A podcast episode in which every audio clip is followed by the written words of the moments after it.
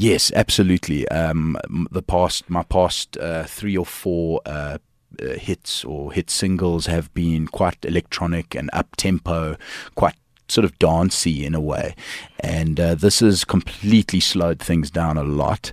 And it's it's real. It's from my heart. Uh, it's a heartbreak ballad, and uh, and and I thought, you know what better way to share it with uh, share what I'm going through with with with uh, people that know me and people that don't. And yeah it's myself and my piano and I still did a lot of production on the song. I'm, I'm a producer as well so I, I, I spent a lot of time in studio with the song and you know you know added the band elements and stuff. But uh, it's really concentrating on my voice and and the the feeling more than anything else. Mm. Daniel wys 'n deel van homself wat sy aanhangers nog nie voorheen in sy musiek gehoor het nie. Hy vertel meer oor die storie agter die liedjie en om kwesbaar te wees. That's so true, you know. I you know, people I think view view a pop star or a rock star as this this you know this person that ha- has a perfect life or or, or or, something something along those lines, you know. But uh, when this happened to me, it was a, a four year relationship that ended, and uh, it was just it, it just came to an end, and, and it wasn't meant to be in the end, and it was heartbreaking. My heart broke properly. Mm. So so that was that was really uh, it was it was very very tough time for me.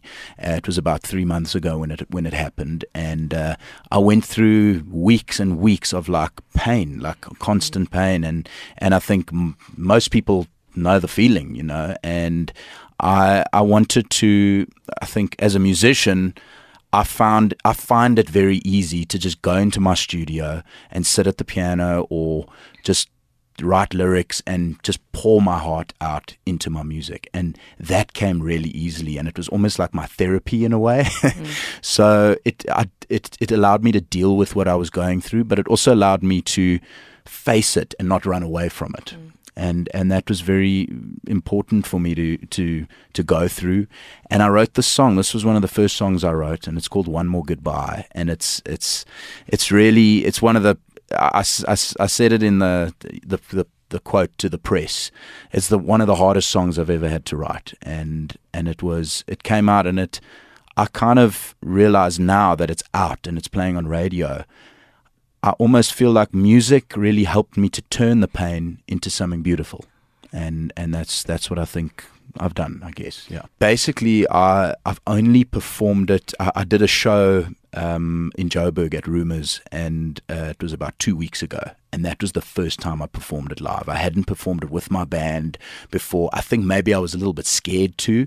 But now that we were nearing to the release, I thought, let me just do it. You know, uh, you've got to do it at least once to kind of break that barrier and kind of, there's always a first time to just get it done.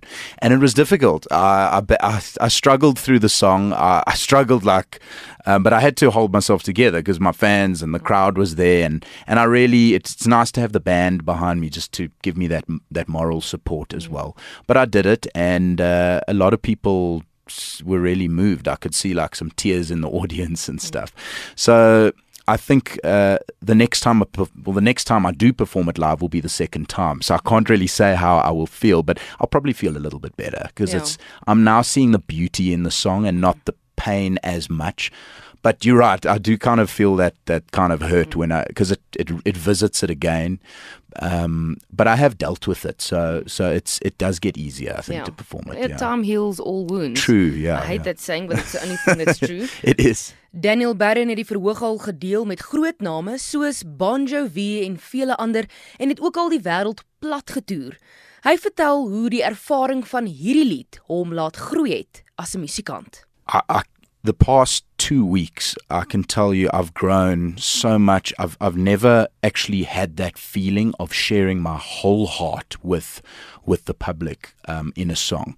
And I even, I mean, I could have just released the song and not mm. said what it was about, but I thought I want to share what the song's about, and I put it out there to everyone. And I, uh, mean, people that knew me, people that didn't know me.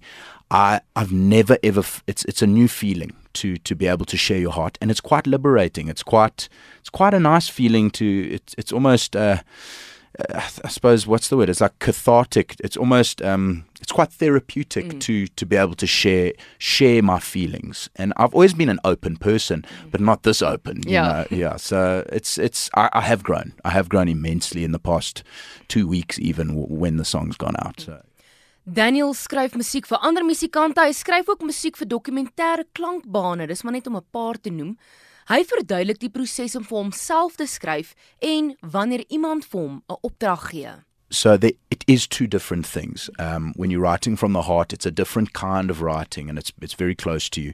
But then when you when you're given a a, a, a specific thing to write about, or you've given a time frame, mm. time frames are quite popular in this uh, industry we work in, and I mean like there's usually deadlines. Mm. So I've never ever had a I've never ever been stuck, uh, like been been had writer's block or anything. It kind of just I love what I do so much that when someone says, "Okay, Daniel, we want you to write a song for our mu- movie," or "We want you to write a song for our company," I do a lot of corporate songwriting as well for adverts and for just for for internal things for for for corporates and and stuff. So when I'm given the opportunity and the the t- the the opportunity to be first of all to to sit down and do what I love.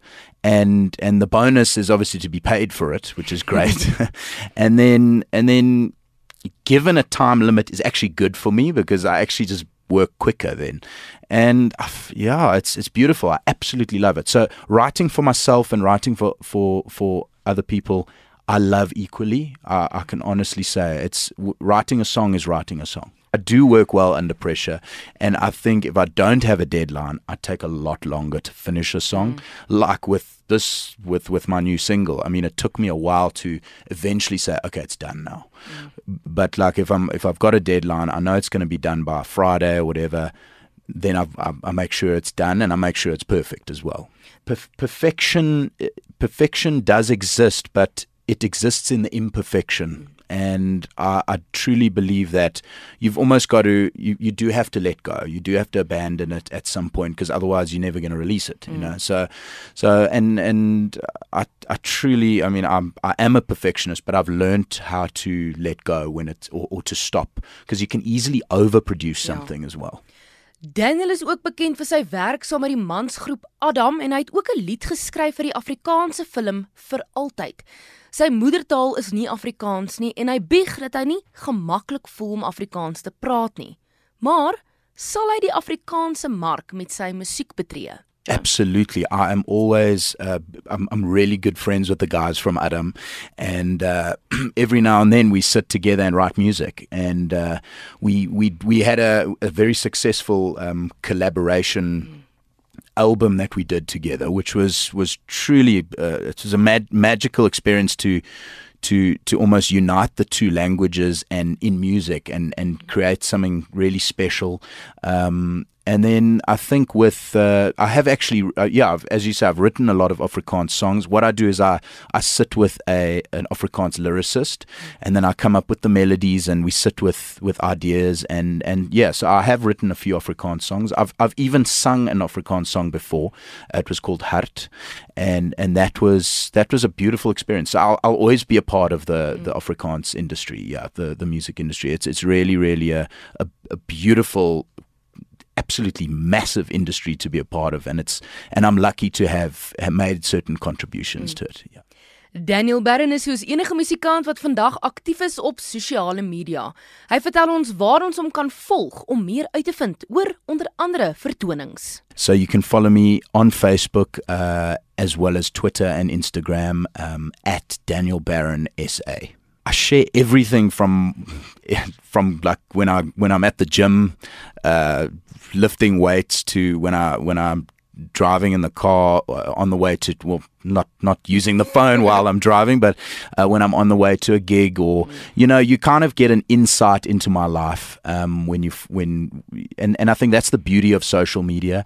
I also share news up, up updates events um, all of those sort of things you know and and the biggest thing and the thing that I love most about social media is I can have conversations with with with fans and with people that that are listening to my music.